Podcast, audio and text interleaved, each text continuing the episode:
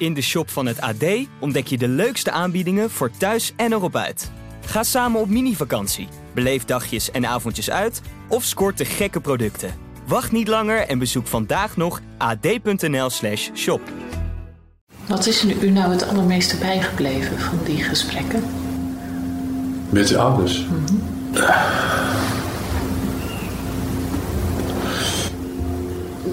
Eh, eh, hun, dat klinkt een beetje gek, maar hun wens om weer gewoon normaal in dat huis, in die buurt, eh, in hun werk, eh, weer door te kunnen gaan.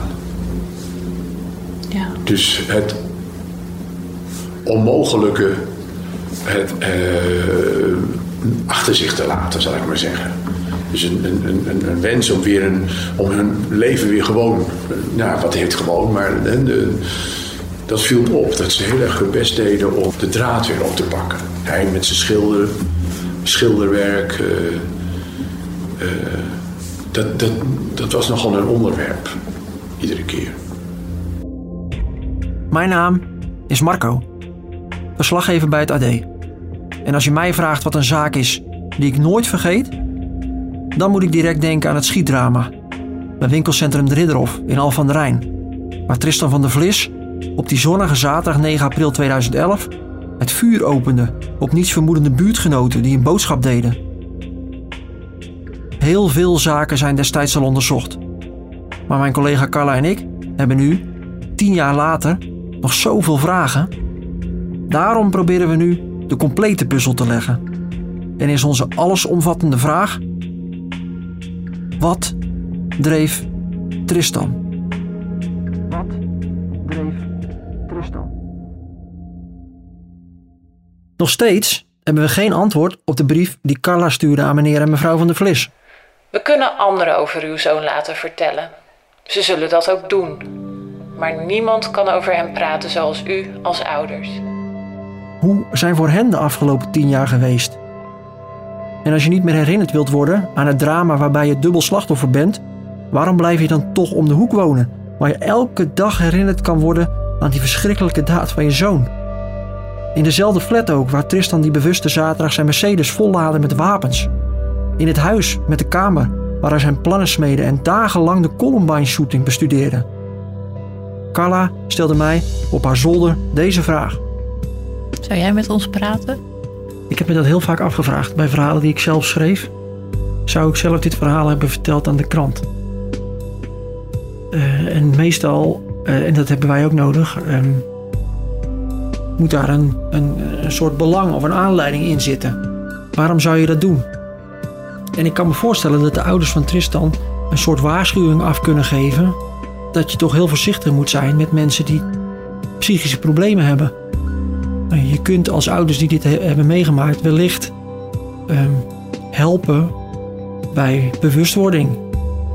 Eh, of helpen bij ehm, het benadrukken dat het nodig is dat in dit soort gevallen de verschillende instanties veel beter met elkaar gaan praten, zodat iedereen weet hoe de situatie is rond iemand en er eerder ingegrepen kan worden, bijvoorbeeld.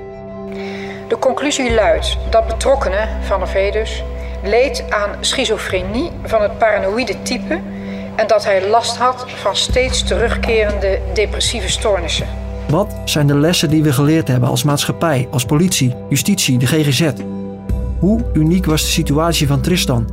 Hoe ziek was hij? Kan dit zo weer gebeuren? Ook dat willen we uitzoeken. Het doel is om een zo compleet mogelijk beeld te kunnen schetsen van Tristan. Wat dreef hem nou? Dus als zijn ouders niets laten weten, zegt dat ook wat natuurlijk. Wellicht kunnen zij nog steeds niet over praten of hebben ze het een plek gegeven en zijn ze weer volledig opgenomen in het Alphense. Carla en ik tekenen op de verder lege redactie van het AD een tijdlijn. Om precies te zien waar het misging in het leven van Tristan. Had jij nog gekeken? Wel- Welke dag is hij nou precies geboren? Heb je dat nog kunnen vinden? Ja, dat was nog wel een zoektocht. En uiteindelijk kwam ik terecht bij eh, mensen die het over schuldeisers hadden.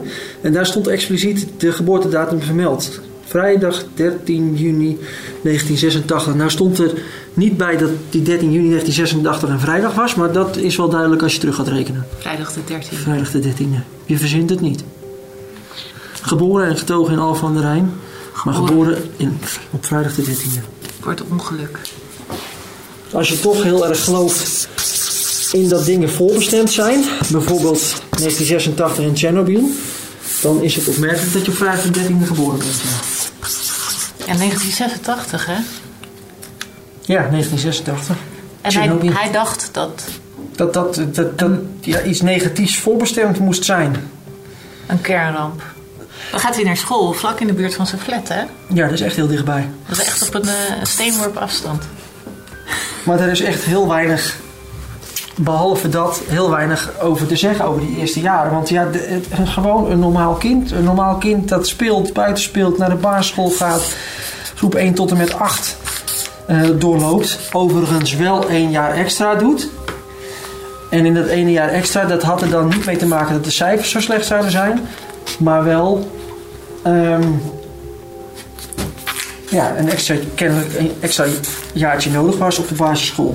Maar voor de rest, niks bijzonders over de basisschoolperiode van Tristan. En ook dat hebben we nog nagevraagd bij de basisschool. Eh, diverse leraren die hem in de klas hebben gehad.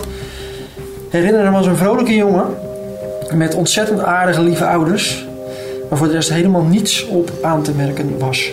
Maar eh, nee, er was absoluut niet een eh, reden om te denken dat dit ooit zou kunnen gebeuren toen hij eh, op school zat. Nee. Nee. En wat was Tristan voor jongen dan, van wat u gehoord heeft? Een wat stillere jongen. Ja, dat, dat heb ik wel begrepen. Maar ik ken hem zelf niet, dus dat vind ik lastig om daar veel over te zeggen. Maar inderdaad, eh, ik heb toen naar mijn collega's gevraagd, ook voor eh, de interviews die toen plaatsvonden, van joh, ja, wat voor soort jongen was hij? Ja, een hele rustige, ja, lieve jongen. Ja. Dus eigenlijk niet eentje die vooraan stond eh, met dingen, maar eh, wel een fijne, fijne, fijne leerling om in de klas te hebben. Een fijne leerling om in de klas te hebben. Al dus Jacqueline van Leeuwen, de directeur van de basisschool van Tristan ten tijde van het drama. Wij spraken ook nog met verschillende leraren van de toenmalige Dr. Martin Luther King School. Sommige van hen hadden Tristan meerdere jaren in hun klas. En ook zij bevestigen het beeld van een vriendelijke, rustige jongen die niet opviel en ook niet alleen stond op het schoolplein. Mensen die zeiden, ja, het was gewoon een leuk ventje, zal ik maar zeggen. Eh, Het, het was niet, het was niet een, eh, een vervelende eh, jongen die voor galgenrad op, opgroeide. Zo kenden ze hem daar in de buurt niet. de hond de hond uitlaten, computerspelletjes spelen met jongens. En dan uiteindelijk naar de middelbare school. Ja, En ook die is vlakbij. dus als je de, je hebt dan zo'n huis en als je aan de ene kant de weg oversteekt, dan ga je naar de Ridderhof. En als je naar de andere kant gaat en je steekt die andere weg over, dan komt hij op zijn school. Eigenlijk was alles op een postzegel. Ja, ja. Dat winkelcentrum en de basisschool en de middelbare school en de woning, alles is op een postzegel. Dat hebben we natuurlijk wel eerder tegen elkaar gezegd. Dat was, zijn wereldje was natuurlijk in feite heel klein en hoeft ook niet, niet groter. Nee, En dan ja, ga- ga- gaat hij zorg en welzijn doen, hè? ja, Ja. zorg en welzijn, ja. ja. En ook dat gaat goed. Eh, ook daar klinkt eh, niks opvallends, niks op aan te merken. Eh, zeker de eerste twee jaar niet. En dan komen we bij 3 VMBO. En dat is zo'n beetje het moment dat het nou ja, interessant wordt, om het zo maar te zeggen. Eh, daar moet hij richting zijn 14e jaar zijn gegaan. En dat is een cruciaal moment in het leven van Tristan als we alles nagaan wat we nu weten. Als we alles nagaan. Maar als we dan kijken naar zijn eindexamenboekje. Ik heb het hier gevonden. Tristan van der Vlis. Zijn, zijn, zijn examenboekje. Kijk dat koppie. Heel gewoon jongetje. Maar hij is dan al lang niet meer gewoon. Maar eh, je hebt dan vragen, hè, die moet je beantwoorden. Die staan eronder. Maar dan, eh, dan, dan zijn de vragen van wat herinner je het meest en wat, wat is je grootste blunder inderdaad. En hij herinnert zich nog goed het geklooi in de eerste, tweede en derde klas. En hij zal Marcel, Cheert, Rutger, Miguel, et cetera. Over twintig jaar denk ik een van deze vrienden nog wel te kennen of ermee om te gaan. Hij heeft nog geen, to- totaal geen idee wat de toekomst brengt. En zijn grootste blunder. Ik had een keer in de eerste of tweede een rode verfpot laten vallen in een beeldende vorming lokaal. Ja. En dit is dus waarschijnlijk eh, opgetekend in 4 VMBO, want dat is het examenjaar. Of zeg ik iets geks? Nee, nee. Ehm, dat is dus de periode waar we het net over hadden. Waar eh Tristan 14, 15 was. En dat is eigenlijk het eerste moment dat zijn ouders zich zorgen om hem gaan maken. En ehm, ja, dat is ook het eerste moment dat eigenlijk de stoornis die hij ontwikkelt zichtbaar wordt. Hij wordt een zware stem van God, hè? Ja. Zijn interesse in het geloof neemt toe in die periode. Eh, hij was in eerste instantie positief over dat geloof, maar wordt steeds negatiever. Hij hoort stemmen, eh, waaronder de zware stem van God. En ehm, ja, het is ook de periode dat hij voor het eerst met schieten in aanraking komt. En dat komt omdat hij met een vriendje meegaat, met een vriendje en zijn vader meegaat, naar de schietclub. En ja, hij is daar zo enthousiast over dat hij thuis aan zijn vader vraagt: van ja, pa, is dat ook niet iets voor ons? Alsjeblieft, laten we ook naar de schietclub gaan. En dat gebeurt. Dus dit is een breekpunt. Ja. Er is een voor en een na. Ja. Na dat eindexamenjaar. We hebben dus over 2001, 2002. Ehm, dat is de periode dat het dus langzaam maar zeker minder goed gaat. Dat er zorgen ontstaan om Tristan. En dat hij dus voor het eerst met de schietclub in aanraking komt. Dan zitten eigenlijk alle ingrediënten voor dat uiteindelijke drama, die zie je eigenlijk verschijnen. Die zijn er dan al, kun je nagaan. En dat is dan dus tien jaar voordat het uiteindelijk echt helemaal misgaat. Dus in, in 2003 begint die escalatie. Ja, want in 2003 is dan ook het jaar van het incident met die luchtbugs. Eh, dat ze geschoten hadden met een luchtbugs. Dat er een vriendje, eh, een ander vriendje raakte. Eh, daar- zijn vader typeerde dat als een jeugdzonde. Maar dat is ook wel iets wat steeds terugkeert. Als een, als een, markeerpunt, zullen we zeggen. Dat is ook opgenomen toen in, in het politiedossier. Er is geen zaak van gekomen, maar het is wel ook... Nou ja, de eerste keer dat hij in aanraking komt met politie zitten inmiddels in 2004. De zorgen van de ouders nemen toe. Ehm, het jaar dus ook dat hij 18 wordt. En ook het jaar, oktober 2004, dat hij lid wordt van de schietvereniging. Dat is waarschijnlijk voor een korte periode geweest, omdat er mogelijk betalingsproblemen zijn geweest. Maar in dat jaar, in mei 2004, is hij wel volle bakken aan de slag bij Broekland. Het is het distributiecentrum van Dirk van der Broek supermarkten in Al van der Rijn. Zit er nog altijd op dezelfde plek. En daar was hij orderpikker. Je mag mijn eh, voornaam best gebruiken hoor trouwens. Oké. Nou, dan Dat is eh, niet zo houden we het op André, oud-collega. André werkte twee jaar met Tristan bij dat distributiecentrum, vlakbij de N11. Wat weet hij nog van die tijd? En van Tristan? Maar het kwam bij elkaar. Dus ik was zeg maar een beetje vond ik van mezelf ook hoor, maar de sfeer was wel, ja, het was echt, het was echt enorm stom werk, maar de sfeer was goed. Er waren dus momenten toen jullie eh, daar in die tijd eh, samen kwamen te werken bij Broekland, dat jullie ook gewoon samen op die werkvloer waren, kan ik me zo voorstellen. Ja, ja, ja, heel vaak. En wat, wat herinnert u zich daarvan in die tijd van hem? Ja, het was wel een beetje een aparte kerel, maar ja, in die zin veel op, omdat er wel meer aparte roosters waren. Maar wat er wel een keer opviel, was dat als je een beetje onenigheid had met een collega, dat staat me echt heel goed voor ogen, dat hij een soort eh pistoolgebaar maakte eh, naar iemand die het niet zag en een schietbeweging maakte. Dus je kent dat wel bij kinderen die een pistool nadoen met hun vingers. En dat naar iemand deed. Dat heb ik hem wel eens. Tristan wordt op zijn werk uiteindelijk gedegradeerd tot schoonmaker. Hij kan niet functioneren omdat hij de ordernummers die hij via een koptelefoon hoort, verwart met de stemmen in zijn hoofd. Mensen horen hem praten tegen die stemmen, tegen stellages. Vervolgens was in 3 september eigenlijk wel een, een keerpunt, op 3 september 2006. En dat was het moment dat hij gedwongen moest worden opgenomen. Omdat het niet goed met hem ging. Dat was in een weekend. En de politie heeft daar geholpen met ehm, die opname. Dat is opname. een gedwongen opname. Hij wilde niet, Nee. dus ze hebben hem echt uit huis moeten halen. Ja. En dat was naar aanleiding van de vondst van afscheidsbrieven door de ouders. En ehm, hij heeft er achteraf al over gezegd dat hij niet echt zichzelf van het leven wilde beroven met een pistool, maar omdat hij dit niet zou durven. Maar het was wel een aanleiding voor die Eh, en het scenario daarbij was dat hij zelfmoord wilde plegen bij de schietclub. Ehm, en dat was voldoende aanleiding voor vader om 112 te bellen. En dat deed die vader, vader Hans, nadat zijn moeder van een vriend van Tristan een sms'je had gehad. We hebben nog steeds over 3 september 2006. En dat sms'je dat was zo zorgwekkend dat ze zijn gaan zoeken op zijn kamer. En daar vonden ze een schrift. Waarin dus het scenario stond dat hij suïcide wilde plegen met een vuurwapen. Bij de schietclub in Nieuwkoop. Bovendien zou hij geld hebben willen lenen. Ehm, er was van alles niet in de haak, waardoor ze dus alarm sloegen. Ja. Zijn moeder zei over die periode: Tristan had zijn eigen kamer en zijn eigen leven. We aten wel samen, maar ik had geen idee wanneer hij naar de schietvereniging ging. Toen hij werd opgenomen bij de GGZ, hebben we wel met de schietvereniging gesproken om Tristan voorlopig te verbieden daar nog binnen te komen.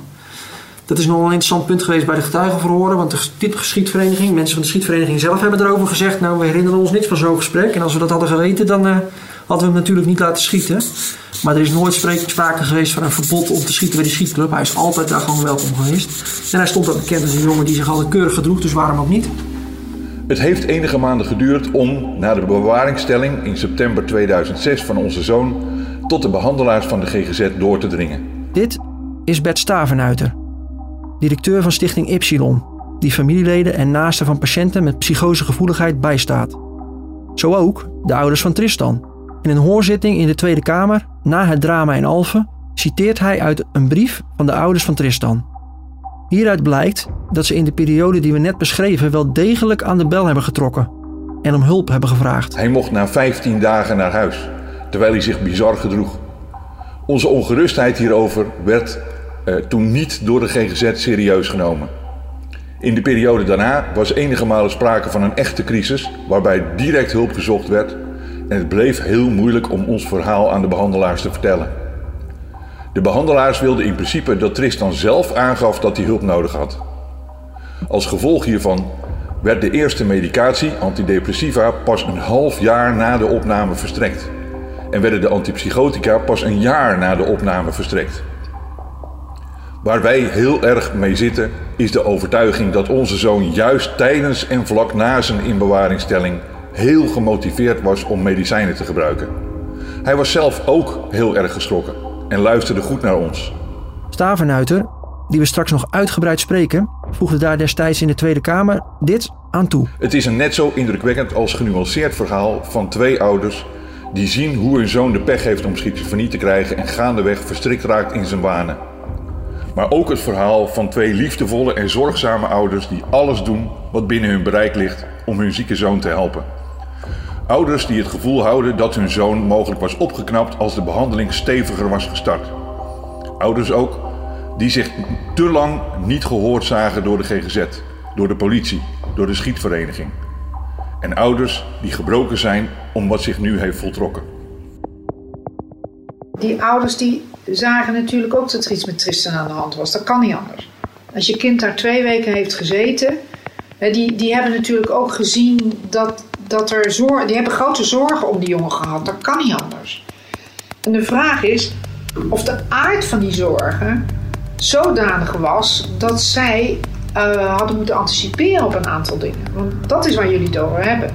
En waar ik ook over na heb gedacht. Hadden zij, wetende hoe hij thuis is en hoe hij daar buiten is en, en, en, en dat hij daar is, is geweest, hadden zij meer kunnen en moeten doen dan ze hebben gedaan? Tja, dat is inderdaad de vraag. Je hoorde opnieuw Kitty Nooy van het Openbaar Ministerie. Kun je vermoeden dat je zoon uiteindelijk tot zoiets verschrikkelijks in staat is? Terug naar de zoektocht. Hoe en waar Tristan afdreef. Terug naar de tijdlijn die we tekenen met alle artikelen, gesprekken en rapporten binnen handbereik. Waar zitten we? In 2006, na de opname. Hij komt weer thuis, najaar 2006 dus. En er ontstaan een spanning op het werk. Daar zou hij gezegd hebben ook tegen collega's dat hij iedereen zou willen neerschieten. En bovendien is dat ook het moment dat er begonnen wordt met een zorgprogramma. Een zorgprogramma persoonlijkheidsstoornissen. Uh, dat was nodig volgens de mensen van de GGZ na die opname. Maar na die opname thuis behandelen dus. Ja, volgende nog twee zelfmoordpogingen. Oftewel, het gaat niet goed. En op 8 september 2007 wordt hij lid van de schietclub. En nu echt, oftewel permanent. Hij blijft lid van de schietclub. kom, dan maken we een stap naar 2008. 27 augustus 2008 volgt de eerste suïcidepoging. Niet de eerste, maar een suïcidepoging met slaapmedicatie. Overdosis. Een overdosis. En op 11 oktober 2008, een cruciaal moment, volgt een nieuwe aanvraag voor een wapenverlof. Nadat dat eerste wapenverlof dus werd geweigerd vanwege dat luchtbugsincident. En op hoeveel zelfmoordpogingen zitten we dan? Ja. Drie? Nou, ik heb er inmiddels al vier of vijf geteld. Of in ieder geval, samen met de, de afscheidsbrieven erbij, eh, echt wel vier of vijf. Dus, dus in elk geval drie concrete Ja. pogingen. En Ja. dan nog We spraken met de oud-korpschef van de politie. Wat wisten zij van de geestelijke gesteldheid van Tristan? Als wij hadden geweten de aard van, eh, dus de tijden van het afgeven van de vergunning, de aard van zijn geestesgesteldheid, had hij nooit never gekregen. Had hij nooit never een. eh, maar, nou ja, en dat is natuurlijk ook de enorme discussie die later is ontstaan met de GGZ. Dat is in hoeverre, en dan hebben we het over privacy in dit land, nou dat kennen we eh, inmiddels. Eh, daar hebben we ook een hele discussie mee gehad. Van, het kan toch niet zo zijn dat de mensen die een gevaar voor zichzelf of voor de omgeving vormen, eh, dat, dat, dat dat op professioneel niveau niet gedeeld wordt. Gaat hij altijd met zijn vader? Nee. Eh, Daar lopen de meningen wel over uiteen. Volgens sommige mensen van de schietclub was hij heel vaak samen. Volgens zijn ouders en hun verklaringen ging hij toch wel best wel vaak ook alleen. Maar ze gingen ook zeker wel samen, want dat was natuurlijk een van die dingen die vader nog had met zoon. Hij ging dus met zijn vader naar de schietclub. Of hij ging alleen. Dat is het beeld wat ik steeds heb. Alleen, alleen, alleen. Dat weet je. Dus dat zal ook best wel zeg maar door zijn hele levensloop hebben gezeten. Tristan stond sowieso vaak alleen. Al vanaf zijn middelbare schooltijd, vertelden klasgenoten ons. Eenzaamheid is iets dat vaker voorkomt bij mensen met psychotische klachten, vertelt Bert Stavenuiter ons.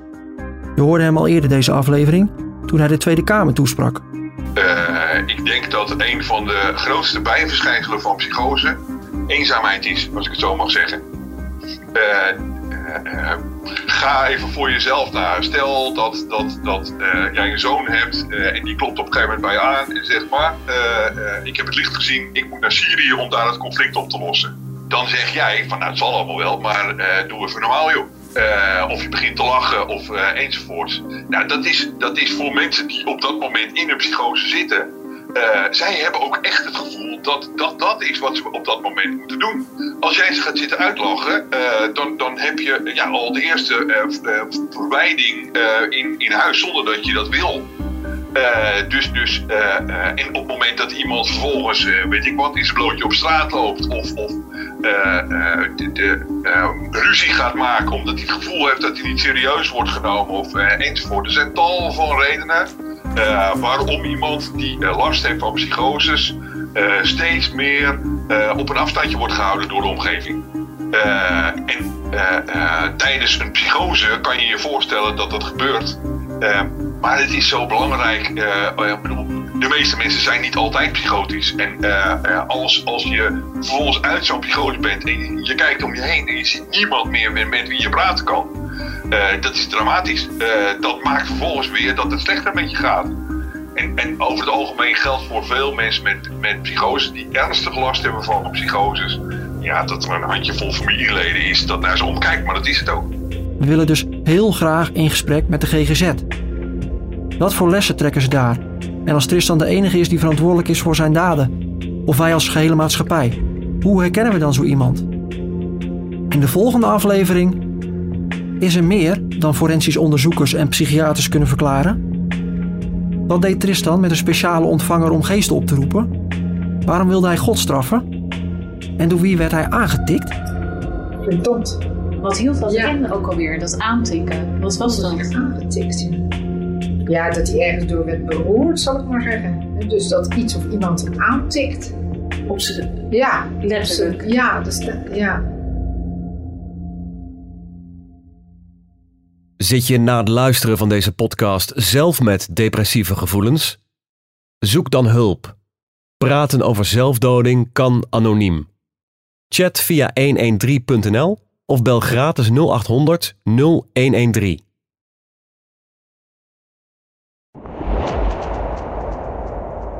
Wat dreef Tristan is een podcast van het AD. Meer podcasts? Ga naar www.ad.nl/podcast.